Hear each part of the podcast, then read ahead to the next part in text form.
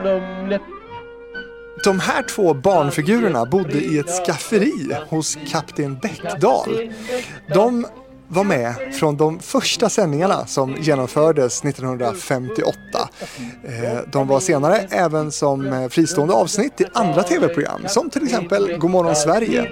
La TV-trolleri God dag på er. Goddag kapten Ska ni inte säga god dag på alla snälla barn idag då? Och goddag alla snälla barn Och de spelade dessutom in skivor. Två populära barn-tv-figurer från en tid innan Lattjo Lajban, Björnes magasin och Bolibompa. Men det här, det här kommer du ihåg? Eh, nej, jag kommer inte ihåg det, men jag vet Humle och Dumle är ju klassiker. Liksom. Det, det har ju blivit, vet du, det är alltid de här Helan och Halvan, två komiker, alltid. Och de var ju igång, de fanns ju lite på den tiden också. De levde ju kvar liksom, Helan och Halvan och Humle och Dumle och sådär. Och det fanns väl någon eh, amerikansk variant utav det där också som, som räknades som det där, som var för, förebilden för Humle och Dumle tror jag. Säkert, för det här, eftersom det här var så tidigt så, Ja. så kan jag tänka mig att de tog inspiration väldigt mycket från, från USA till exempel. Ja, men det är ju så här, de här barnprogrammen, man kommer ju ihåg dem och framförallt då så är det ju någonting som, det formar en ju lite, här, vad är barnprogrammet, vad gör de? Det blir ju modellen för hur man ska göra och agera och såna här saker. Och jag tycker det var, det var kul. Jag, jag gillar ju tv, jag gillar ju att titta på de här grejerna och jag tycker att det, det är kul. För de som inte minns Humle och Dumle så kan man väl säga att de här figurerna då, de var två upp och nervända ansikten Ja, där endast hakorna var synliga. Ja. Lite läskigt typ när man tänker på det. De såg lite läskiga ut eller? Ja, alltså kanske med dagens mått mätt så, så var väl grafiken, hade vi lite övrigt att önska om man då jämför med AI-teknik och sånt där. Så absolut. Något. Ja, ja. Men det var ju det som fanns då. Ja. Det var ju dockteater och skuggteater och såna här roliga grejer. Precis. Och, och de här figurerna då och omgivningen kring dem, det här skafferiet då illustrerades av Bror Haldin. Eh, när jag tänker på Humle och Dumle så är det på senare år som, som de har blivit omtalade av Lena Philipsson.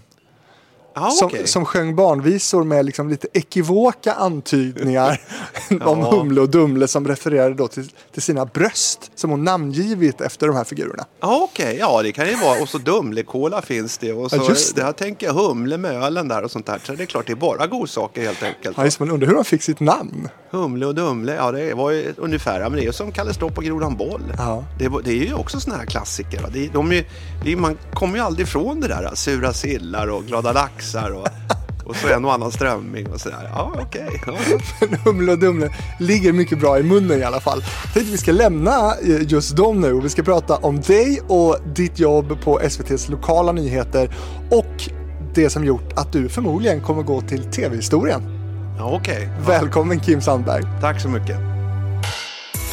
10. Starta band. Pass på. Starta TV-publiken om 5, 4, 3, 2, 1. Varsågod. Och du som lyssnar, du är välkommen till TV-fabriken, programmet där jag träffar kända och okända personer som jobbar med TV. Jag i det här sammanhanget heter Fredrik Rahlstrand. Och vi kanske ska vara så transparenta, eh, Kim, och berätta det att eh, förutom att vi är kollegor nu då på SVT så har vi jobbat ihop förut på samma redaktion. Ja, vi var ju på sändningsledningen, trafikredaktionen, under ett par år och skickade ut meddelanden VMA och spännande trafikmeddelanden runt om i hela landet. Vilket man kanske inte tänker på att vi sitter och gör, och det var ju intressant där, därför att vi gör då P4s populäraste programpunkt som till och med slog nyheterna. Och då sitter vi i ett ganska litet rum, tre stycken vid varsitt skrivbord och där skickar vi ut de här grejerna. Och det är från Kiruna till Malmö och det gör vi dygnet runt. Dygnet runt, året runt Ja. satt vi där. Ja, absolut, till och med på julafton så satt man där och, och pratade. Och då ringde det alltid mycket spännande folk på julafton och sånt där som ville prata av sig eller så hade de synpunkter. Framförallt på tv-program så hade de synpunkter. Och då ringer de till sändningsledningen. För där är någon som svarar. Ja, alltid. Alltid. Men det, ja, det är väldigt spännande jobb ju. Det är nästan värt ett helt avsnitt. Vi, vi ska inte fördjupa oss eh, i det tänker jag. Men, det, men eh, har lite likheter också med det som vi gör nu med lokala nyheterna. Absolut, det handlar ju om att, att få, och framförallt så gäller det att, att ha en viss lokalkännedom för det märks ganska stor skillnad om det är någon som har lite koll på ungefär hur det ser ut, vad är det för någonting och den här vägen, hur slutar den, hur går den, vad det är för någonting. Och det är samma med de här lokala nyheterna. Det gäller liksom att skaffa lite lokalkännedom. Även fast man inte har det från början så går det ju att fixa. Det är ju bara att glida runt med bilen på fritiden och kolla hur ser det ut där borta och sånt där. Och det är ju jättespännande. Jag är ju en nyfiken person så jag gillar ju att se vad som finns bakom vägkröken. Så jag går gärna lite längre bara för att kolla det där. Det här är ju eh, TV-fabriken och vi ska ju prata TV. Men, Ja. men från början så måste vi väl säga det att du har ju en, en lång erfarenhet i eh, den svenska radiobranschen. Framförallt då i den kommersiella världen, inte minst. Mm. Vad var det som gjorde att du liksom fastnade för radio just? Men det är ju egentligen så är det på något sätt att det här började jag med redan som liten, liten som jag då var, liten påg. När jag satt hemma på pojkrummet. Och där byggde jag en egen radiosändare. Och så, eh, så gillar jag, gillar ju musik och jag gillar liksom att vara discjockey och såna grejer. Och så ville ju de andra höra på min musik. Och istället för att spela in kassettband så satte jag igång min lilla sändare. Det var ju piratradio då. Och sen så kunde man ju lyssna då liksom på området där jag bodde i det här eh, kedjehusområdet där jag växte upp. Då kunde de sitta hemma och så lyssnade de och så kunde jag sitta där och snacka lite grann. Otroligt lokal radio kan man, Man säga. kan säga att det var superlokal radio. men det var ju istället för liksom, du vet, så här, distribuera kassettbanden och sånt där. Och det funkade bra. Och, då, och på det blev det då ett intresse, det var kul och sen så fanns det ju närradion i, i Stockholm. Och då var det ju att sitta under en, eh, i en källare under en trappa och där hålla liksom sin lilla låda och, och showa loss och sådär. Och det, det var väl någonting med det här som jag tyckte var roligt och trevligt och, och kul. Och sen så blir det ju att du jobbar vidare och sen så kommer du in på en studentradio och så blir det mer professionellt och du jobbar mer med det. Och sen så helt plötsligt så sitter du där och, och så jobbar du med det på heltid. Och hålla låda är ju kul att du säger som jag just har tatuerat just precis det. Jag håller en låda på, på min arm här hela tiden. Alltså dina tatueringar, de är ju grymt snygga. Och jag har sagt så här, ska jag ha en tatuering så ska det vara eller två stycken. Jag ska, på ena sidan ska det vara ett ankare och på andra sidan en örn. Och du har ett ankare och det där ankaret var snyggt. Så att, ja, nu blir jag väl lite småsugen här. Ja, det är dags att boka en tid kanske. Ja, det kan vara så, det kan vara så. Eh, jag vet inte riktigt. Jag säger som kirurgen, oskuret är bäst. Ja, just det. Men du har inga tatueringar idag? Nej, jag har inte det. Jag Nej. är faktiskt eh, en av de få som inte har någon tatuering. Faktiskt. Många, däribland jag, känner igen din röst från, från Mix Megapol där du Mm. har hörts mycket. Eh, men du kan väl rabbla lite, vad, vilka stationer har du mer varit på? Den professionella karriären när jag började jobba med radio, det var ju i den så kallade prekommersiella radion. Och det var ju då på SAF-radion som låg på Blasieholmen. Och det var precis vad det låter. Svenska Arbetsgivarföreningen var det som betalade radiostationen och det fanns ett syfte med den. Det var att det borgerligheten skulle vinna valet 91, vilket de också gjorde. Och där var det då att den drevs precis som en kommersiell radiostation. Programledarna och personalen hade ingenting med själva budskapet att göra utan det var förpackat i reklambreaks och där var det idéreklam. Och det var ju fullt tillåtet i, i närradion på den tiden. Så vi jobbade med radio och sen så hade vi idéreklamen och jobbet var ju då att plocka in så många lyssnare som möjligt till kanalen, vilket vi också gjorde. Och det blev ju faktiskt en, en konkurrent och lite till Sveriges Radio och blev på något sätt en trendsättare för hur den kommersiella radion ska låta lite. Det blev ju sen parodi på det hela i, i Nile City, vilket de gjorde liksom på det vi höll på med då och sådär.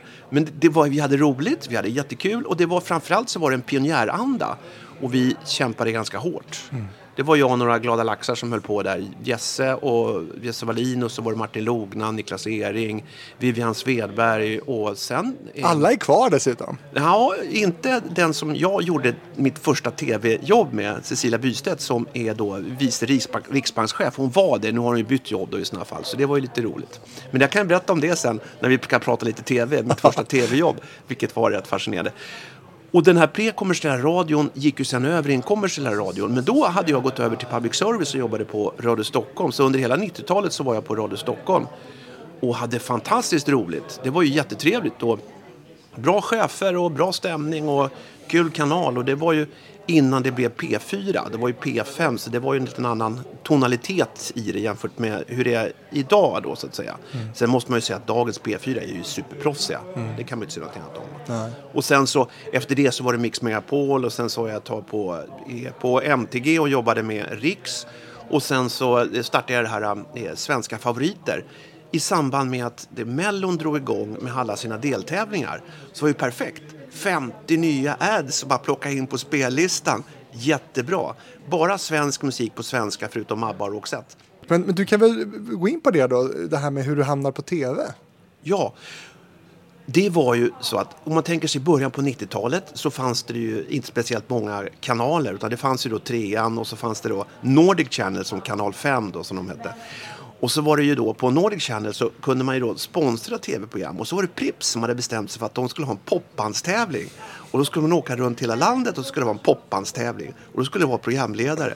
Ja, okej. Så på något sätt så sökte vi det där och då var det jag och Cecilia då som fick det där jobbet som programledare för Prip Pop Contest. Det roliga med det, det finns faktiskt några klipp på Youtube på det hela. Det ska jag genast söka på. Ja, vilken produktion alltså. Det var, så att vi var ju då i lite typ så här Umeå, Örebro och Lund. Och, ja, vi var runt i landet i alla fall. Och så skulle det där vaskas fram då de som vann i den här popbandstävlingen med en direktsänd final ute på deras studier där ute i, i, i Stocksund låg de ju. Vilket år pratar vi? Nej, här snackar vi då, måste varit 91 eller 90, 91 tror jag det var. Sådär, liksom. det, det, Det är några år sedan. Absolut. Ett annat liv sedan. det, det är jättelänge sedan. Och sen så efter det så gjorde jag någon sån här intervjuserie eh, också som gick där och det träffade artister, satt hemma hos dem och pratade lite grann och sånt där. Då. Men sen blev det inte så mycket mer tv efter det och jag vet inte varför. Det var nog mer att det blev mer radio och sen eh, så får man väl annat att göra här i livet. Träna och ha hand om barn och sånt där. Då. Ja. Då har man ju inte tid att jobba. Nej, nej, det är mycket man ska ta hand om. Det det så kallade livspusslet. Ja, men det vet man när man är unga. Det är ju jätteroligt och då vill man ju jobba så lite som möjligt för man vill ju laja med ungarna. Spela hockey och fotboll och ha roligt liksom. Och då kan man ju inte sitta på ett jobb och sura. Men du är idag programledare för de lokala nyheterna då på SVT för de som tittar i Dalarna och Gävleborg va? Dalarna, det är, det är så, vi är ju då, till vardags så är vi i Dalarna och Västmanland. På helgerna så är vi i Dalarna, Västmanland, Gävleborg, Västernorrland. Och sen under storhelger som på julen och sånt där också, då, det, då alternerar vi spelplats mellan, eh, mellan Sundsvall och Falun och då är vi också i de här fyra länen. Och du sitter i Falun. Jag är i Falun och eh, sköter sändningarna för Dalarna och Västmanland. är jag programledare för. Det tänkte jag också vi skulle liksom, eh, fördjupa oss lite i, det här med lokala nyheter. För det tror jag att det är många som inte riktigt vet hur det funkar. Liksom. Det är en tv-fabrik kan man säga. Ja, det kan man lugnt säga att det är. Ja. Men det är en väldigt trevlig tv-fabrik. Mm, det är det. Ja. Det är roligt att jobba med det. Eh, innan vi pratar mer om det så tänker jag att vi ska prata lite grann om dig. Ja. Det kom nämligen ett mejl från en av mina lyssnare, John, med önskan om en gäst. Eh, och man kan ju önska gäster i den här podden. Jag får många uppslag och tips eh, från er som lyssnar. tycker jag är jätteroligt. Fabrikspost at gmail.com är ju då adressen om du vill skicka. Så här skriver han. Hej Fredrik! En drömgäst jag skulle önska eh, mer som en hybrid kanske mellan radio och tv. Det är en mångårig profil i den kommersiella radiovärlden. Känd men ändå lite av en doldis. Har även jobbat på Radio Stockholm förr, bytt namn och delar nu sin tid mellan Bauer och SVT. Bara det är ju kittlande. Kollega med dig på SVT Nyheter, dock i Falun. Jag ser eh, honom i min regionala kanal, SVT Gävleborg. Jag snackar förstås om Kim Sandberg. Så jäkla mycket man skulle vilja veta. Hans vägar och val i livet och modet att nu visa upp sig som kvinna som nyhetsuppläsare i tv på bästa sändningstid. Hans proffsiga munläder som radiopratare. Finns så mycket. Uppväxt på en liten ort. Stencool är han i alla fall. Så skriver John till mig. Roligt. det var ju supergulligt, väldigt trevligt och, och absolut så eh, all heder till John. Hur känner du när du hör det här önskemålet? Nej, men absolut, jag tycker det var, det, var, det var intressant, roligt och framförallt så är det väl, eh, ska man väl säga, väldigt tacksamt över att publiken tycker att det är trevligt, att man är där, eh, kanske står för någonting som är annorlunda, det är inte mainstream. Men eh, det är ju, framförallt så handlar det ju om att göra det så bra som möjligt, det som man gör. Och det är väl viktigt. Och det är alltid det är klart att det är fantastiskt kul att få bra feedback och bra uppskattning. Det är, det är väl de flesta som tycker att det är roligt. Eller hur? Ja. Alltså, ros är ju trevligare än ris. Även Ja. om det är så att ris kanske man kommer ihåg mer. Det är konstigt det där. Ja, eller så är det så kanske det här med, med, med riset också att ibland så är det ju befogat. Man vet själv att det där var inte så bra. Alltså. Så att ja, men absolut, det- jag håller med. Att det där, nej, det där är bara gör om och gör rätt. Ja. Liksom. Ja, men absolut, så är det ju. Ja. Och du har tackat ja då för att för första gången offentligt berätta om just det som John eh, som lyssnar då och säkert många fler vill höra. Och det tycker jag är jätteroligt och spännande. Eh, superbra idé. Och kanske är det också så då att du har skrivit tv-historia som Sveriges första programledare som är transperson. Kan det vara så? Jag vet inte och jag har inte fördjupat mig i det heller. Men däremot så har jag inte sett någon annan. Men det borde ju ha funnits tycker jag. Men det kanske inte är. Och det är väl lite så här att jag har inte tänkt på det så själv. Utan jag har nog mer tänkt på det som att jag tycker att det är kul och jag tycker att det är en utmaning att försöka få de här texterna att vara lite levande samtidigt som det ska vara nyhetsaktigt ifrån den här teleprompten och, och få hela det här lite smakligt och lite roligt och, och sådär. Eh, och då är det ju inte så att jag tänker så att oj, jag är transperson, att det här är någonting. För det är inte det som är min identitet att vara transperson. Det är ju bara en följd av mitt livsval och vad som var ofrånkomligt. Så att det är inte så att, och det är därför som jag har inte valt att prata om att bli trans och varför egentligen. För att det är inte det som är att bara vara trans. Och för det, jag är mer än bara det. Jag är en människa och det är lätt hänt att man blir bara den där som var trans och sen är det bara så. Liksom. Och det är absolut, och det är full respekt till alla som gör det och det är full respekt till alla som, som går igenom den här transition. För det är ju inte så festligt sådär, utan det är ju inte, det är ju utan nöden tvunget. Du hamnar där till slut. Antingen så får du då förtrycka det eller så får du liksom låta det komma när det som du har då försökt eh, undanskuffa under en väldigt lång tid. Och en del har ju undanskuffat ett helt liv. Och de kanske inte kommer fram förrän de är i stort sett döende. Och så där. så att jag har ju träffat de som är 80-årsåldern som ändå kommer de ut och sådär. Det är väl klart att det är väl jättebra att göra det någon gång om man nu vill. Eller så behöver man inte. Det, alltså det, allt är ju valfritt. Mm. Än så länge så är det så fint att vi har ju faktiskt ett val att göra. Mm. Och precis, och de här två sakerna hänger väl inte ihop tänker jag. Alltså det jobbet du gör är ju en sak. Sen så är ju då den som du väljer att vara eh, i rutan. Det är väl också någonting som kan tjäna som stor inspirationskälla och förebild tänker jag för andra i samma situation. Det är möjligt. Men det är också det att det är precis som du säger att jag är inte trans. Det är inte därför som jag står där. Utan jag står där för att jag tycker att det är trevligt och kul att jobba med lokala nyheter. Sen är jag trans, ja det går inte att komma ifrån. Och det är ju rätt uppenbart så att säga. Så att det, vad ska man göra åt det? Mm. Nej, precis. Men eh, ändå en, säkert en, en förebild för många. Och som sagt, det är ju inte så vanligt.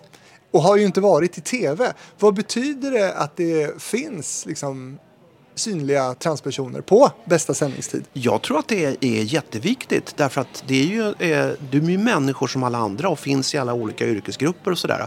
Det finns inte så många i kommersiell radio heller som är transpersoner som sänder men där hörs det ju inte lika tydligt så att säga.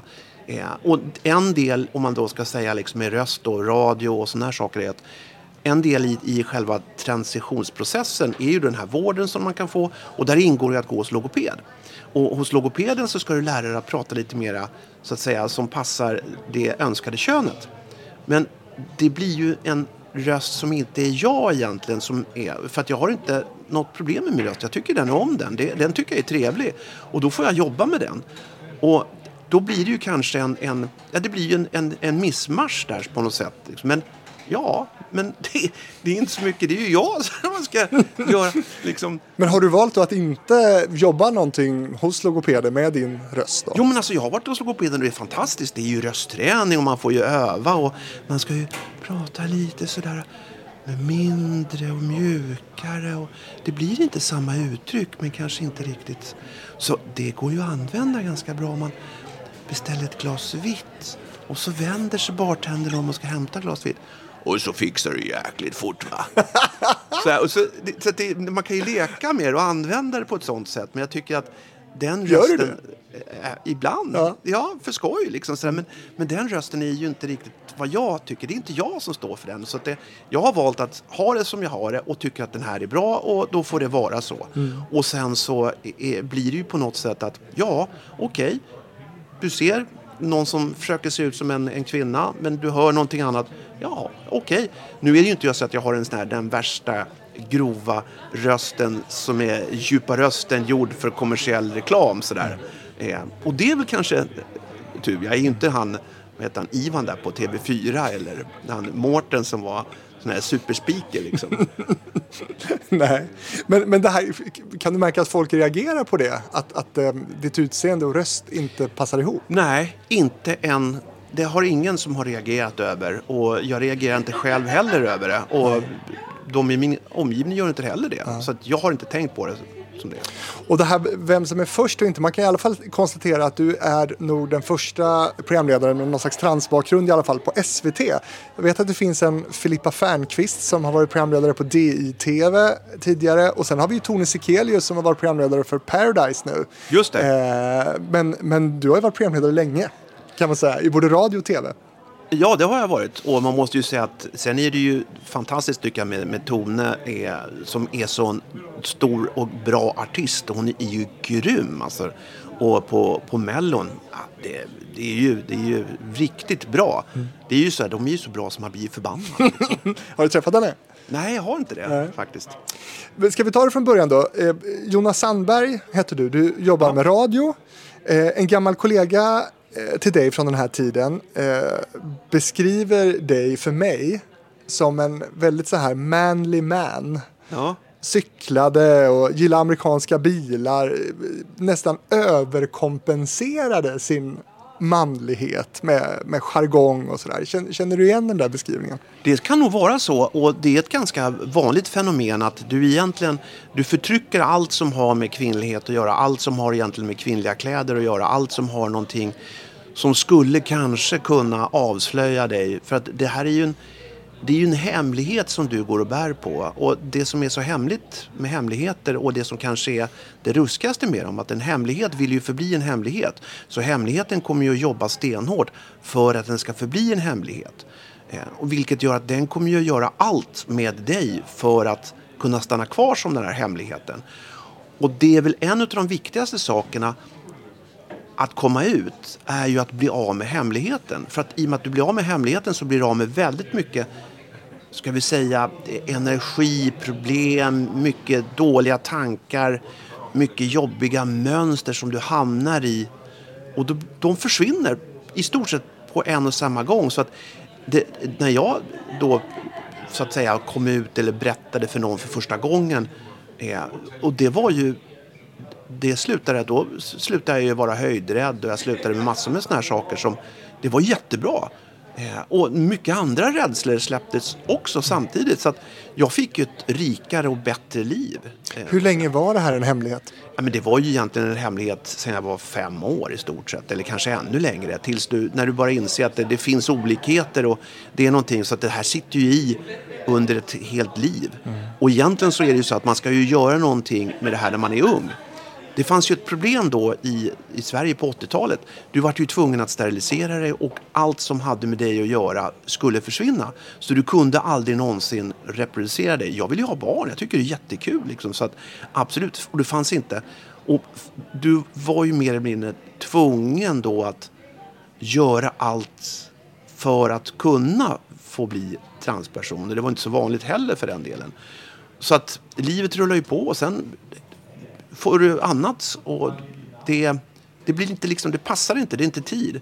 Men till slut så kommer du ju i, i det läget eh, där det sköljer över och när du väl har börjat lätta lite och, och skruva av kapsylen då flyger den och när den väl har gjort det, ja då väller allting fram och det finns inget stopp.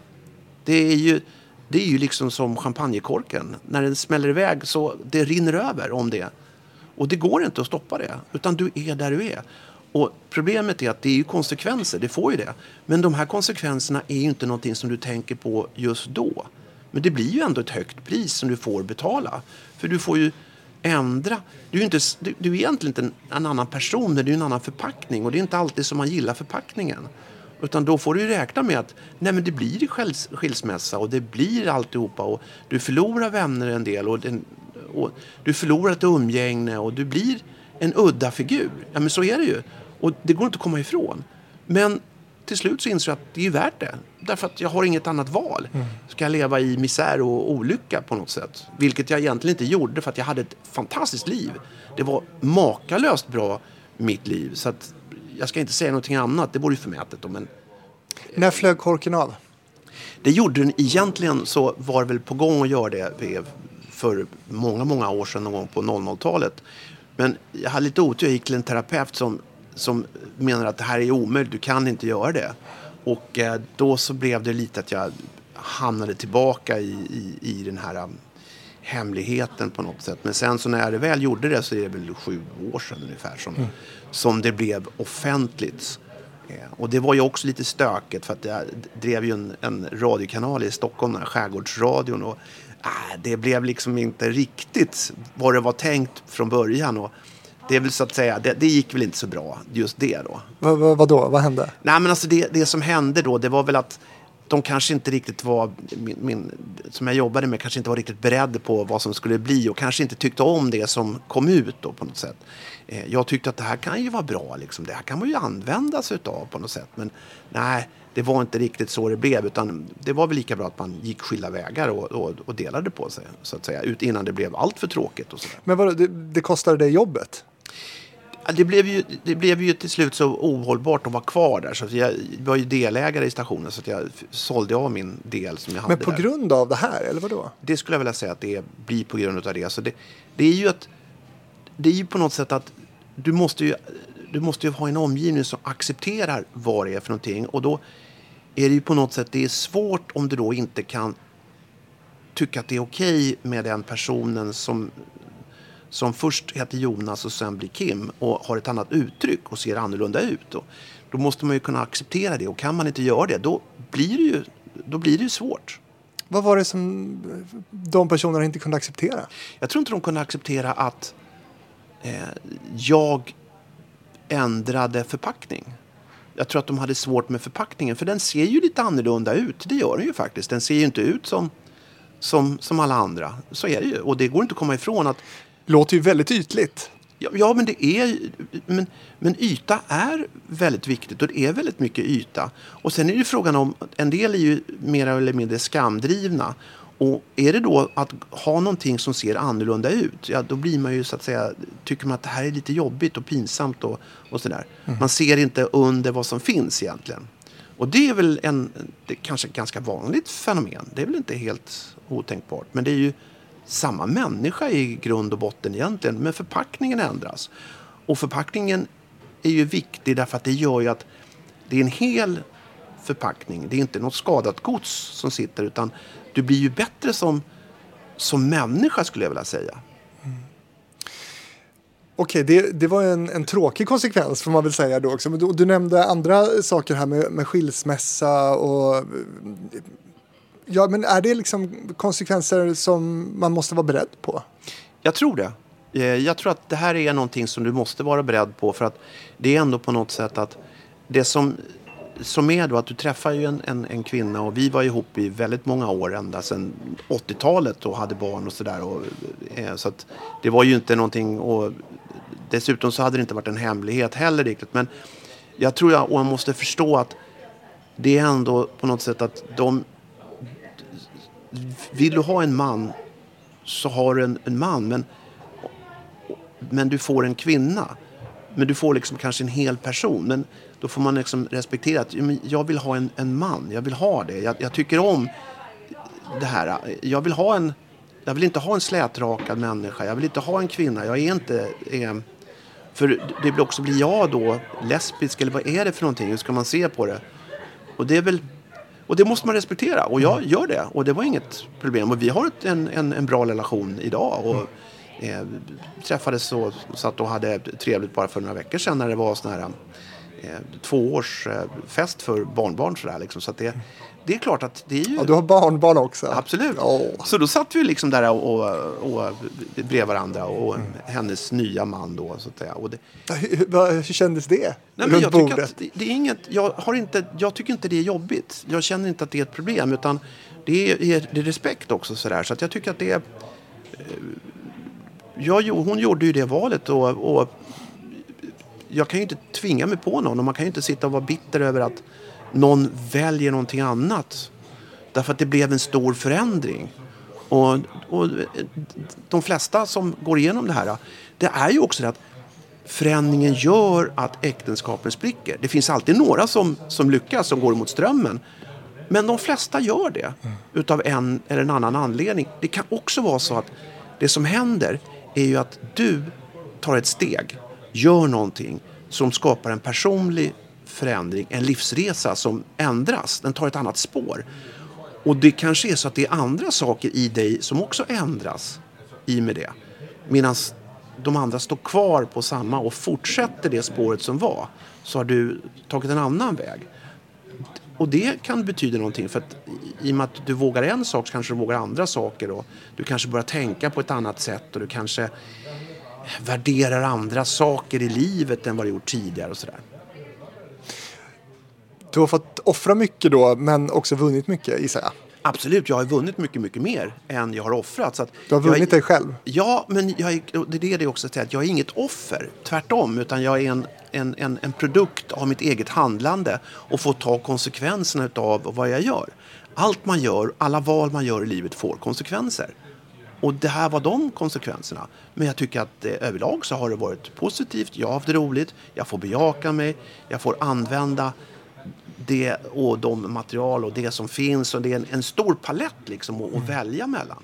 Men jag gissar då från den här eh, manliga machomannen Jonas då till, till Kim. Eh, ja, hur mottogs det liksom på, på dina arbetsplatser? Och så? Var det med stor förvåning skulle du säga? Eller hade, ja, för ingen hade anat detta gissar jag.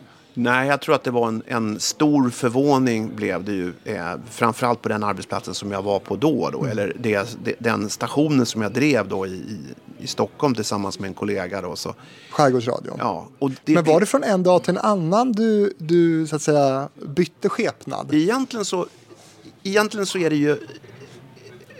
Ja, det, nästan så att det blev så. Det, det kanske var så att det blev lite mer och lite mer uttryck, lite mer, lite mer, lite mer.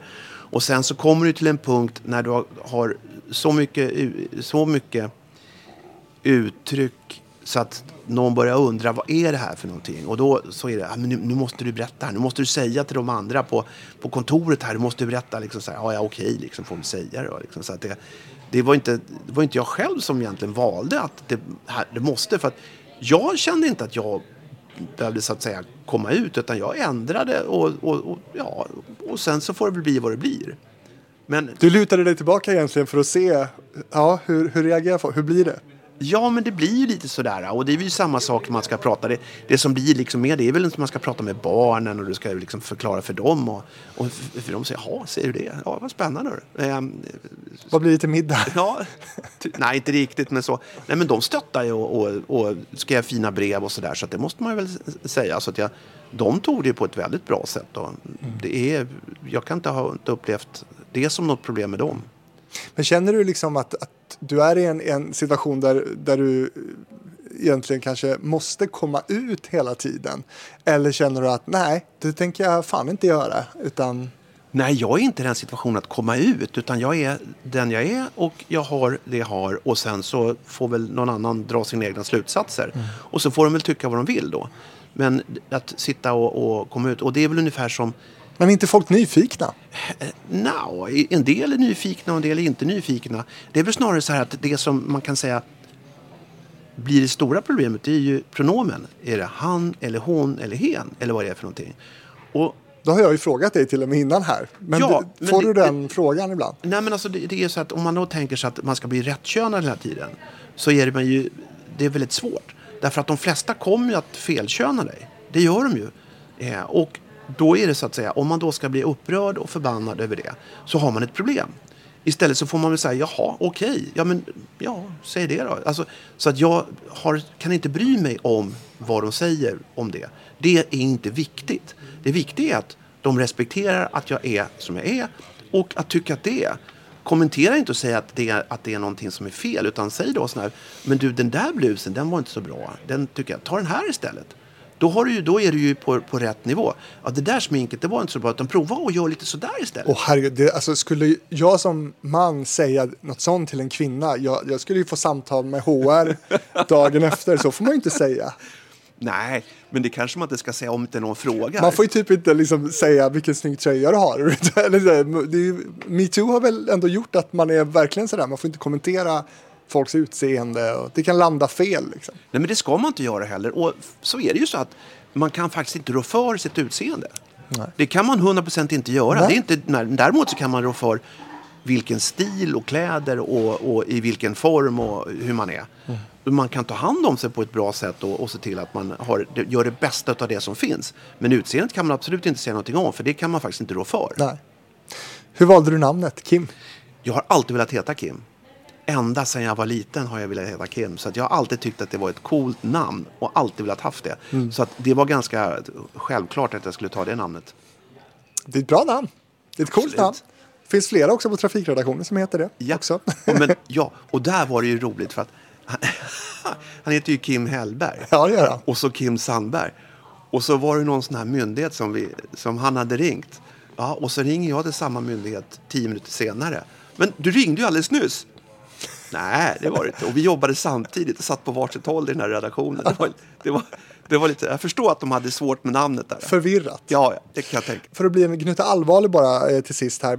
Många transpersoner vittnar ju om att man, de mår väldigt dåligt. Ja. Alltså lider av stor psykisk ohälsa eh, och att det här är en, en, eh, en väldigt jobbig sak, en jobbig process. Mm. Hur mådde du? Ehm, alltså det var ju, om man säger så här att den där hemligheten den tärde och, och gnagde. Så att det är klart att stundtals så mådde jag ju inte supertoppen. Men jag mådde samtidigt väldigt bra också. Eh, så att jag kan inte säga att jag känner igen mig just i den där. Men jag förstår och vet att det är väldigt många som mår väldigt, väldigt dåligt. Och de behöver all hjälp och all stöttning och all respekt för det. Eh, jag kanske hade förmånen att inte vara så otroligt eh, risig. Men det fanns ju stunder som var hårdare och det fanns ju stunder som var lättare. Och i de djupaste svackorna så är det ju ganska så mörkt.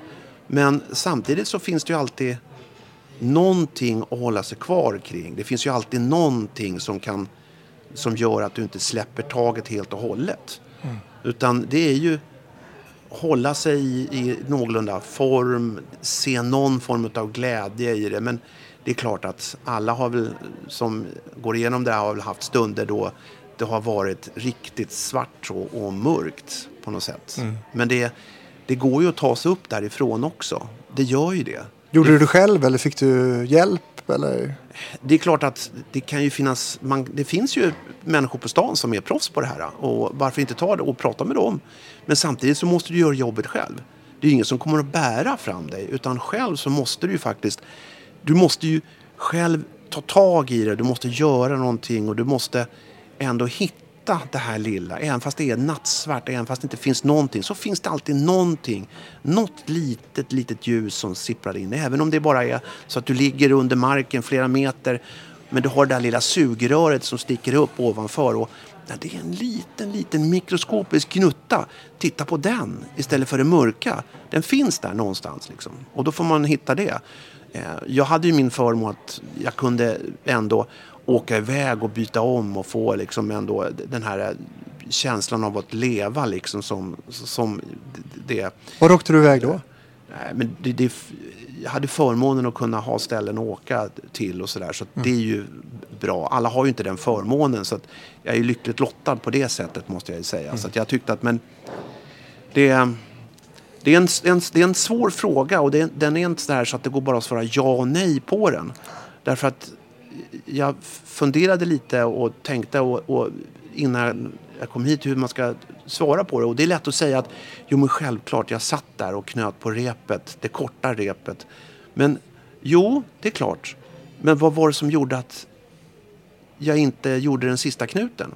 Vad var det för någonting? Vad var det som gjorde att jag Ja. inte gjorde det? Vad var det som gjorde att jag inte att jag inte körde av med bilen när den ändå går i 200 på en isig väg och inget säkerhetsbälte? Vad var det som gjorde att jag ändå höll mig kvar? Hade du de tankarna? Nej, men, ja, alltså, det är klart att de tankarna och de händelserna och de, det gör ju det, det, det ingår ju så att säga. Det, gör, det finns ju. Men vad är det som gör att jag inte fullföljer? Vad är det för någonting? Jo, det här lilla ljuset som ändå finns. Det finns någonting ändå som, som tar dig vidare. Och då är det fokusera på det. Titta på det istället. Istället för liksom allt det jobbiga, tråkiga, hemska. Du låter ju väldigt stark får man ju säga. Är du det? Ehm, det, är svårt att, det är svårt att svara på själv. Det Men hur det. känner du? Ja, men alltså om du tänker man, om du funderar på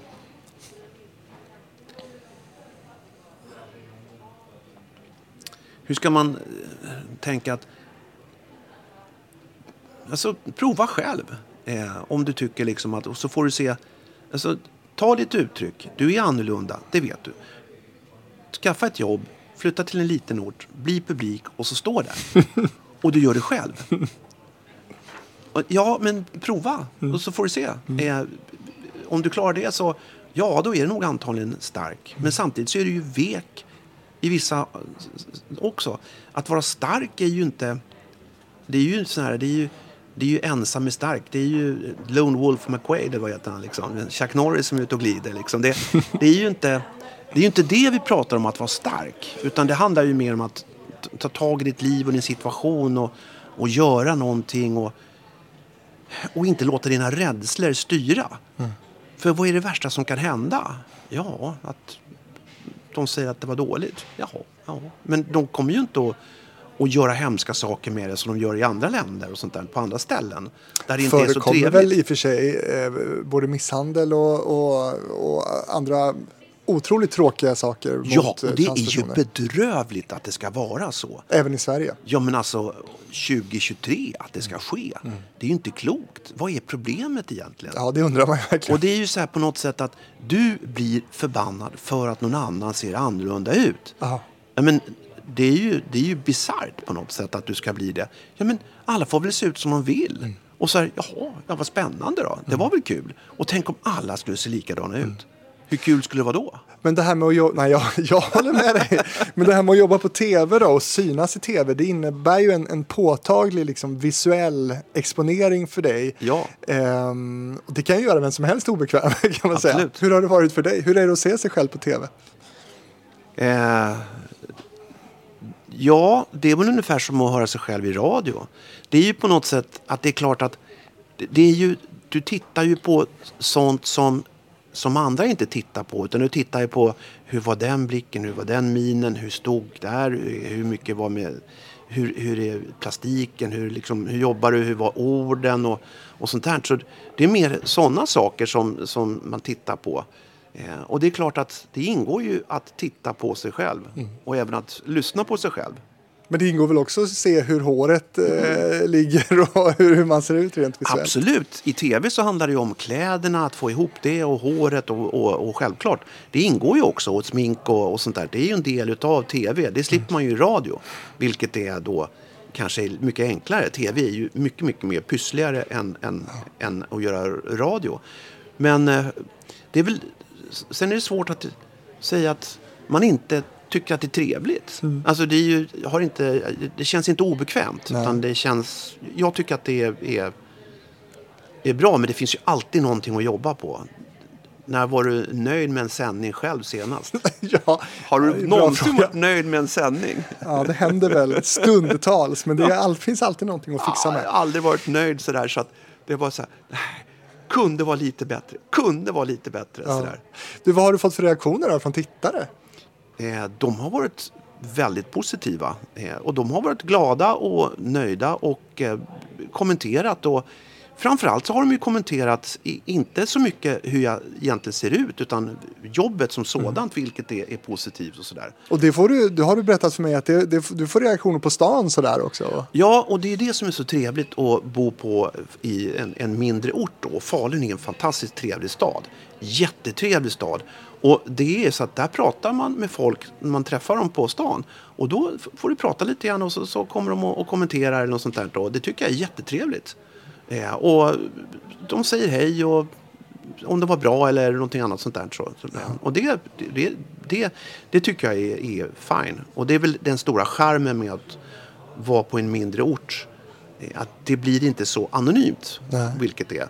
Om du då skulle göra samma sak om du var i en större stad så det blir ju att någon tittar lite snett och undrar du, eh, alltså hur, hur mår du egentligen? Går du och pratar med någon på gymmet här så bara sådär, du vet, lite slumpmässigt sådär. Ehm, du, eh, vad, vad, är, det- vad, vad är det för fel? hörru? Ring polisen. Ja, lite så. Men du, eh, det är ju såklart viktigt då med, med representationen i tv, att man vill också säga eh, att det också finns eh, transpersoner synliga eh, och att man får synas och vara den man är naturligtvis. Absolut. Och, och bara nu när vi sitter den här veckan eh, så har det ju kommit eh, en nyhet om en ny dokumentär som ska släppas och visas på TV4 Play om Björn Kristiansen som han hette, snickaren från Äntligen Hemma. Snickarbjörn, Ja, absolut. som nu heter Li. Ja, det är jättebra. Och jag tycker att det är, på något sätt så är det alldeles utmärkt att man synliggör det här. Och det blir inte färre och färre transpersoner utan snarare tvärtom så ökar det här. Och det visar ju bara köerna till då specialisterna på det här eh, som finns. Eh, som är väldigt trevliga och duktiga och de är väldigt engagerade. Framförallt de på eh, Anova i, på Karolinska sjukhuset. Jag, chefen där är Cecilia Deine är fantastiskt engagerad i allt det här och gör ett så gott jobb de kan. Men de är ju överbelamrade. Det är väldigt många som vill komma dit. Och det visar ju att det här är ju ändå ett, någonting som finns i samhället. Och då är det ju på sätt och vis bra att visa att ja, men de här kan, du kan ha vilket jobb som helst, även om du är trans. Så kan du ha det jobbet som du vill ha och tycker är trevligt. Och det tycker jag är bra. En transvård som också har mött kritik. Många tycker att, att man eh, låter barn som är alldeles för unga eh, börja den här transitionen och så vidare. Mm. Är det något du har någon åsikt om?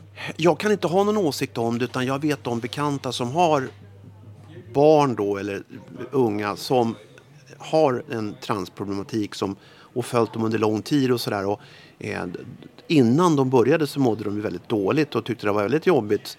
Sen kan ju inte jag svara för allihopa. Så jag kan inte ge mig in i vad som är bra och rätt och fel i det här. Och det är så lätt att hemfalla i att tycka att det här är förkastligt, så här kan vi inte ha det. Ja, men kanske vad är alternativet då? Vad är för någonting och sådär. Så att, att man ska vara lite försiktig med just kritiken kring det hela. Men du då? Hade du velat få hjälp på något sätt tidigare i ditt liv? Absolut så hade jag nog, eh, om jag ser tillbaka på det så självklart, hade jag kunnat få igång den här eh, transitionen redan innan puberteten så hade jag haft ett helt annat resultat. Absolut. Och det är ju bara att titta på, vi hade ju en, en, till och med en, en, en skolminister som var transperson. Och där tycker jag det är fascinerande eftersom den, hon ändå skriver en bok om att hon har genomgått en, en transition som ingen visste om att hon hade gjort. Och det tycker jag, det visar ju på något sätt att det här det finns, ju, det finns ju på alla håll och kanter. Och kanske man kan avdramatisera det lite grann. Att du får vara den du är, men gör ett bra jobb ändå. Hoppas att det här samtalet kan bidra till det. Ja, det får vi hoppas. Att det, för att det är väl lite som sådana här bokstavskombinationer. Jag gick ju en, en utbildning här för att bli lärare. Eh, Jag är gravt överutbildad med alltså hur många, jag flera, flera stycken akademiska examen. Sådär. Och det är klart att då kunde man använda det så kunde man gå en kortutbildning för att bli lärare då. Så jag är behörig i samhällskunskap på gymnasiet och företagsekonomi där. Men det som man kommer ut i skolans värld är ju att det är väldigt många som också har diagnoser då i, i, i bokstäver. Men de har ju rätt till hjälp. Men i praktiken så handlar det ju mycket om att du har en diagnos men du måste ändå göra ett bra jobb. Det, det är ju liksom en förståelse kanske för dig själv men du måste ju fortfarande göra ett jobb. Så att det är inte så att du kan bara luta dig tillbaka och vila och så glider du på din diagnos. Och du är bara din diagnos. Ja, det är ju klart. Man måste jobba också. Ja, Och du, och du jobbar med SVTs lokala nyheter och det jobbet ska vi prata vidare om strax. Amadeus, är du redo? Yes. Vilken är din mest underskattade låt? Eh, det är nog About to go. Din största låt? Eh, streamingmässigt Exhibition, person, för mig är den största hit. Vilken låt önskar du var din? Eh, Wasted Times med The Weeknd. Evighet eller Invincible? Eh, evighet. Det var ju fel svar ju. Tycker du? Ja. Nej, evighet är fetare. Vem hade du helst velat göra en duett med? eh, Justin Bieber.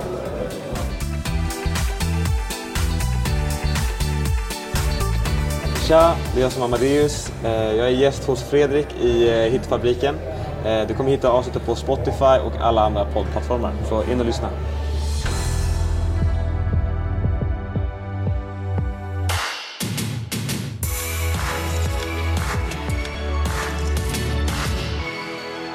Men det här är TV-fabriken den här veckan med eh, Sveriges, eller i alla fall SVTs, första transprogramledare Kim Sandberg som då alltså är programledare på lokala nyheterna på SVT i Falun.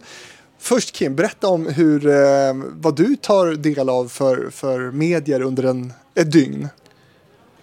Jag är ju sån här som tycker om nyheter och sånt där. Så det jag tar del av det är ju först och främst så lyssnar jag ju på morgonnyheterna. Och sen Vilka? Så, det är, jag, tittar både på, eh, jag tittar både på SVT och jag tittar både på TV4 och sen så lyssnar jag på lokala radion i, i Dalarna och är jag i Stockholm så lyssnar jag på P4 Stockholm och sen så lyssnar jag självklart lite grann på på kommersiell radio också. Jag vill höra vad Gry Forssell med vänner gör för någonting. Så att det blir att jag, jag, jag håller på att sappa däremellan.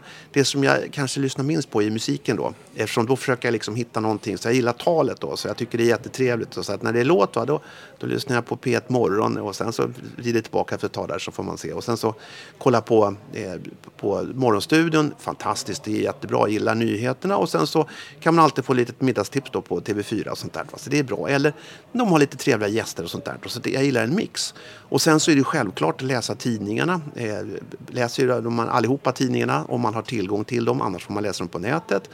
Och sen så följa någon form av flöde i det hela. Och sen så är ju radio, är ju P4 är ju fantastiskt på just nyheter. Och sen så följa via med Ekot och så är det ju trevligt att få lyssna på Kvart i fem-ekot, självklart. Jag gör ju inte som, vad heter han, Harry Schein, öppnade en whisky då eller vad det var för någonting liksom. Gjorde han? Ja, det sägs i alla fall det. Att han drack rätt mycket whisky. Men han, han drack aldrig före kvart i fem-ekot. Och något sånt där. Ja. Jag vet inte, jag bara hörde någon sån här eh, grej om det. Jag vet inte om det stämmer. Absolut inte. Han var cool i vilket fall som helst. Så det var inte det. Eh, men det jag tänker nu är att Sen följer du med i flödet och framförallt så handlar det ju liksom att de här lokala nyheterna att du ska kunna vara med och där. Och då, då har ju vi en jättebra redaktion som håller på. Man hör ju platet och flödet och man kan sitta och, och läsa det där. Så att jag försöker ta del av så mycket nyheter som det går. Och sen så på, på kvällen om man är ledig så självklart så blir det ju de här nyhetsprogrammen och Agenda och allt det där. Och sådär. Det är, nyhetsjunkie låter det som. Nej, inte nyhetsjunkie, men jag tycker om nyheter. Jag har alltid gjort det ända sedan jag var liten. Eh, Jag hade förmånen sådär att jag hade en, en pappa som var journalist. Han var på Expressen i, i 40 år. Vem var det då? För Eh, man kanske- Han, han hette Algot Sandberg. Hette han. Mhm, okej. Och grejen var med honom att han, han hade någon sån här redaktion så han fick varenda sån här eh, vet, specialtidskrift. Och jag älskade att läsa. Så att, Hem och hyra och du ska Ja, läsa absolut! Ha, habitat och Habit och alltså alla de här. Så han tog hem dem där. Så jag ju där och läste om, om bussar och mode och, och nya tandlagningar och Läkartidningen och, och hur man liksom reparerar och hyreselektriken och allt sånt här. Och det låg jag hemma och läste när jag var så här, ganska liten och tyckte det var jättebra. Är toppen! Vetgirig kan man säga. Men du, du bor i Stockholm. Hur kommer det sig att du jobbar i Dalarna? Det var så att eh, jag sökte jobb och sen så står jag och skottar på gymmet. Och, och, och så jag brukar svara när det ringer. Och då så var det eh, chefen, Mattias, som ringde när jag stod och skottade där. Och så snackade vi lite grann och sen så blev det en intervju och sen så eh, fick jag jobb. Och då så, ja, då, så då bor jag i Falun när jag jobbar och sen så bor jag i Stockholm annars. Bra kombo kanske. Absolut, Men hade du jättebra. velat jobba i Stockholm också kanske? Dels det. Alltså, nej, men jag tycker Falun är jättetrevligt. Och jag tycker att vi har en bra stämning på redaktionen. Och det, är en, det är en bra arbetsplats. Mm. Ja, och egentligen så är det ju bara några timmar bort. Det är ju egentligen en påse godis och en ljudbok. Så Åh, är det gud, ju, gott så är det, ja, och så är ju framme sen. Kan du kombinera det här med radiojobbet? Eller får du välja nu liksom? Eh, när det har kunnat gått att kombinera. Just nu så är det väl, just den här våren så är det väl lite småtunt med, med radiojobb. Men under hösten så var ju på Mix Megapol också. Det är ju samtidigt det så att man måste ju se en begränsning i hur mycket man kan jobba och vad du vill göra för någonting. Är du lite arbetsnarkoman? Jag tycker ju om att, att jobba. Jag är inte speciellt... Jag tycker inte om att, att inte göra så mycket. Utan jag tycker om att, att, knega och jobba. Och, så det har jag alltid gjort. Och det är inte ett problem om man säger.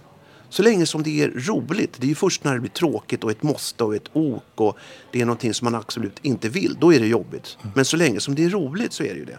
När började du då med, med lokala nyheter nu? När gick du in första gången? Det var ju eh, i augusti som var första gången som jag gick in.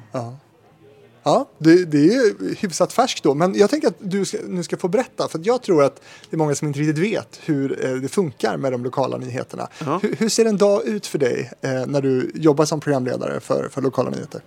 Då börjar vi klockan 12 på dagen och sen så går man igenom lite grann vad är det för någonting som ska tas upp under kvällen. Så det är ett möte där man går igenom lite mer. Vad är det för någonting? Vad är det som saknas? Vad behöver göras och sånt där. Eh, sen så handlar det om att, att läsa de här texterna, titta på dem, skriva påer, aver, eh, se igenom inslagen och sen så eh, är det se till att studion funkar, tekniken funkar. Du har en koll med teknikerna som sitter i Göteborg som du pratar med via länk. Ja, för det här, så- precis, berätta om det.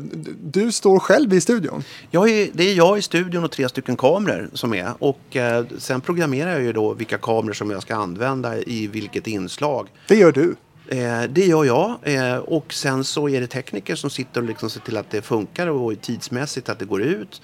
Och det här är ju då antingen så är det ju live eller så är det ju livebandat precis innan. För att vi är ju på flera ställen så att det går inte att vara både i Västmanland och Dalarna samtidigt utan då får du välja. Men ofta så är det live också att du kör på, på direkt när det är. Och, så här. och det är ju det funkar ju på samma sätt när du livebandar som när du kör live. Så det blir ju inte någon större skillnad egentligen. Du ser ju ingen skillnad utan du står ju och tittar i, i kameran och har prompten och, och så har koll på de grejerna. Så Hur det, tajt in på bandar du? Det är, om man tänker, det är några minuter innan. Det är väl, vad blir det? Bandningen är klar någon minut innan själva sändningen och två minuter innan. Sådär. Så att det är ju inte så att det är, är jättelångt. Och så blir det ju, och sen är, när vi är då i fyra län så då går de efter varandra. Så då står du i studion och sen så är det så är du liksom i Gävleborg och så Västernorrland och så är det Västmanland och så är det Dalarna och sådär. Så, så, så följer det ett flöde. Det är ganska behagligt sådär. Det är trevligt, du vet vad du ska göra. Och det är mycket studiotid, för det, det är repetitionstider också innan du bandar va? Ja, exakt. Och sen så att man ser till att allting funkar, att alla inslagen går igång och, och sådär. Och det är ju viktigt att se att alla bilderna stämmer. Och det är just det som är skillnaden mellan radio och tv. Det är så mycket mer tekniskt komplicerat att göra tv än radio. Alla skyltarna ska funka, att de kommer in, att textningen stämmer och att ljuset och sådär. Så det, det, är, det, är, det är mycket mer pussel alltså. Så att det är att göra tv tio minuter jämfört med att göra 10 minuter radio. Det, det går inte att jämföra. Det är två helt olika världar på något sätt. Liksom. Jag känner mig lite dum här som jag också gör precis det, Ja. det du gör här. Men, men eh, jag får ju ändå fråga dig. Men, för det, det som också jag tror att väldigt få vet det är också att det är ju nästan som att du själv kör tv. För du trycker fram allting själv också. Berätta om det. Ja, vi jobbar ju med att den här prompten, det, det, är inte, det går ju inte på automatik utan det är jag som har en pedal som jag trycker på. Och sen så är det ju, om man då tittar på lokala nyheter så har de ju någonting i handen. Eh, och det är ju den som startar nästa inslag eller byter vad du har för någonting på din eh, skärm du har bakom ryggen eller om du ska peka och visa någonting, vad är det för någonting som du ska få fram? Så trycker du och det är du som, som väljer det. Det är som Och- en pa- stor powerpoint-presentation egentligen. Ja, i stort sett så är det så. Antingen så har du den eller så finns det en, en tryckknapp på golvet också. Så att du behöver inte Har ha ni knapp på golvet? Absolut, så att du kan ju ha... Så att du har ju, Det har jag efterfrågat i Stockholm. Det har de inte där. Nej, utan vi har en knapp på golvet också. Och det är ju för att vi delar ju redaktion med några som är mästare på att få det att se riktigt spännande ut i tv som använder all sin mimik eh, när de har sina nyheter, nyhetstecken. De är ju så grymma programledarna på nyhetstecken. Titta på deras minspel. Där har vi att lära hur de jobbar. Det är så snyggt och så elegant och så får de ihop det med, med, med teckenspråket. Och sen så då, för då använder de ju pedalen där. Det är Just det, för de kan- tjusigt. Precis, för de kan ju då inte hålla något i handen. För de Nej. håller ju fullt upp med sina händer. Exakt, precis. Just det. Så de har ju det. Och det där ska jag önska att vi får i Stockholm Så det också. brukar jag använda ibland så, så har jag den också. Ja, men intressant. För jag har tänkt på det många gånger att det, det, ser, det ser lite onaturligt ut att stå med den där i handen och det är svårt med manuskorten och hålla dem samtidigt. Så ibland kör jag utan manuskort för att jag tycker det ser enklare ut på något sätt. Ja, men man ska ju ha de manuskorten och sen funkar det. Sen är jag ganska... Alltså, jag, har ju, jag, jag kör ju bil med två fötter hela tiden. Och det har nog att göra för att jag höll på med, med, med flygning och sånt där. Vadå med två fötter? Jag kör med, när jag, jag bras, gasar och med, med, med högen och bromsar med vänstern. Jaha, Så att jag kör alltid med två fötter. Liksom. Så jag, ja, för annars där. kopplar man väl med vänster? Ja, men jag har ju alltid jag har ju automat. Så att, Okej, så du kör ändå med två? Jag kör med två Gud vad fötter. intressant. Det Ja. har jag aldrig hört att någon har gjort. Nej, men det är bra. Du är alltid bromsberedd. Vet. Så Ja, det, det är fint. Och det har nog att göra med att jag flög förut och sådär. Och då är det ju trampa mycket sidroder och det gör man ju med fötterna. Så. att- Mm. Okej, så att då, ehm, och sen är det ju flera editioner ni band, bandar varje kväll också. Ja, och vi har ju då, så att det blir ju mycket studiotid. Så att det är ju bra för att du står väldigt mycket. Så att det, det, det inte vara liksom... Det är bra för hälsan. Ja, man behöver inte vara rädd för att man sitter ner för mycket. Utan då, har vi då, då står vi, då i edition, då är det liksom en, en klockan 18.33 och sen så har vi en 21.50 som är långsändningar, då är det 10 minuter. Och sen har vi en kortsändning klockan 19.55 och då är det två editioner också. Mm. Så att då blir det ju, ja det blir ju, det blir fyra, det är ju sex olika Mm. editioner som du ska göra. Och de lokala nyheterna 1955 i SVT1 eh, är i princip varje dag det mest tittade programmet på TV-toppen. Varje dag. Ibland mer tittare än, ak- eh, än Rapport 1930. Ja, det är så? Ja. Okej, ja, ja. Så att det, är väl något som väldigt många ser. Kanske för att det ligger precis innan klockan åtta men också för att jag gissar att det är många som är nyfikna på sina lokala nyheter. Ja, men det tror jag nog. Absolut. Och det är ju just att det är lokalt. Jag tycker att det är, är lokal journalistik är fantastisk. För det är ju precis, det är, du är ju nära de människorna som du ska ändå bevaka på något sätt. Och som du träffar på stan där i Falun sen. Ja, och det är ju så. Men det är ju en, en, en, en trevlig stämning och vi har ju reportrar som är riktigt grymma och kan på ett sånt fantastiskt sätt ställa de här frågorna som på ett lugnt och väldigt sakligt sätt ställer de här. Och de låter så trevligt, men man förstår vad det är för fråga de fick så den här var inte så lätt. Där. Men de gör det bra. Ja. Och det, Har tv gjort dig fåfäng på något sätt? eh, inte mer än vad jag var tidigare. Nej. Det är ett bra svar. Ja, absolut inte mer. Nej. Eh, Men du, vad tror du om eh, framtiden här då? Hur, eh, hur länge kommer du vara kvar på lokala nyheterna i, Falun? Vet du nu? Eh, nu är jag väl där fram till någon gång i, i sommar. Mm. Och sen så får vi se. Jag vet inte. Man får väl bara låta tiden bida an och sen så det blir vad det blir helt enkelt. Och, Men har du någon tv-dröm? Du låter ju väldigt realistisk här nu, men har du något så här som du verkligen skulle vilja göra? Eh, ja, det är klart att man har alltid saker som man skulle vilja göra. Och jag tycker ju om det här med nyheter. Jag tycker ju om den här nyhetspulsen och jag är ju nyfiken så att det är, det är klart att man vill ju jobba med nyheter i någon form. Sen var någonstans det är och hur man gör det, det, det, är- det är svårt att säga. Allting har ju lite tillfälligheter och vad som finns och vilka möjligheter och sånt där. Så är det ju alltid. Men jag tycker att det är kul att göra det som är och jag tycker att det är roligt att, att presentera nyheterna framför kamera. Det tycker jag är trevligt och det det var en positiv upplevelse måste jag säga. Det hade jag inte en aning om hur det skulle vara innan. Det är svårt att veta men jag tyckte att det var mycket, det var mycket, mycket roligare än vad jag trodde det skulle vara. Så det kan man ju försöka liksom jobba vidare med. Men mycket är ju sådär att det blir lite vad det blir ibland. Man får liksom vara öppen och så får man vara lite eh, se vad man kan hitta för andra möjligheter och sånt där. Va? Det, det, man kan göra mycket här i, i livet. Sånt där. Du ser lite plirig ut i blicken här nu. Det är som att du ändå har Nej. något du tänker på som du vill göra. Ja, det är klart att jag har någonting som jag, alltså, det är klart att jag har någonting som jag vill göra. Eh, Det är klart att det är. Men det är ju, det är ju så svårt. Man kan ju inte säga, alltså det, man kan inte liksom lägga ut eller, sådär, vad är det man vill göra egentligen. För att det blir ju på något sätt så alltså, svulstiga stora drömmar om att jag ska göra det här, jag ska göra det. Men man kan ju alltid söka sig någonstans och försöka och, och, och så göra det, det bästa som man kan göra av situationen.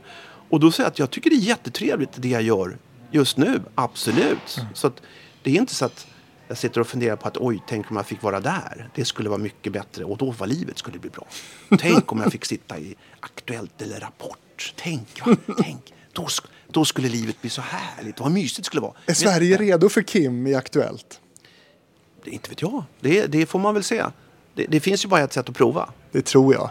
Det finns bara det. Alltså, och det, det blir vad det blir. Antingen så blir det i, i- där. Men det är väl kanske så att inkomsten, alltså ingen säger någonting egentligen. Nej. Det beror på vad som händer. Nej. Eller så blir det fullkomlig katastrof. Ja, ja men vadå? Då Då är det så. ja, Ja. Du, Kim, hur var den här upplevelsen för dig? Nu har vi pratat en timme här om, om både dig och ditt liv i tv här. Hur känns det? Jag tycker det är trevligt och jag tycker det är, är kul att, att prata. Eh, och det är väl Det hörs. Ja, men alltså det är väl så här. Det är väl lite så här. Så det, är, det är ungefär som när du går hos terapeuten. Du går i terapi. Det är ju... Då betalar du. Det handlar ju bara om dig. Helt och hållet. Och det är ju lite trevligt sådär. Och det är ju sällan som det är så. För det handlar ju oftast om andra människor också. Det är ju så. De, du lever med din omgivning och de som du lever ihop med eh, måste ju ändå det handlar ju mycket om dem också. Så att det är ju, det är ju, det är ju få stunder när det bara handlar om, om dig. Och det Men ju fick du göra det? Ja, och det är ju det som är så roligt liksom, med intervjuer. Är det något som jag borde frågat dig om som jag inte har gjort nu? Ehm, Är det något du vill tillägga liksom? Jag vill bara tillägga att om man går och funderar och så se till att var inte rädd utan gör det som du måste göra och försök göra det så bra som möjligt. Eh, ta kanske hjälp om du behöver en stylist eller någonting och, och gör det. Titta på hur folk ser ut och se ut ungefär så. Och sen lev ditt liv som du själv vill leva. För man har bara ett och då får man se till att man gör det så bra som möjligt. Och det finns väldigt många människor i, i världen som kan ge kärlek även till transpersoner, även kvinnor som tycker att det är jättetrevligt att leva ihop med en, en transperson. Kim Sandberg, tack så jättemycket för att du var med i eh, TV-fabriken och berättade och eh, förmodar jag inspirerade många. Ja, tack för att jag fick komma och vara i ditt fantastiska poddprogram. Och vi går ner i svart.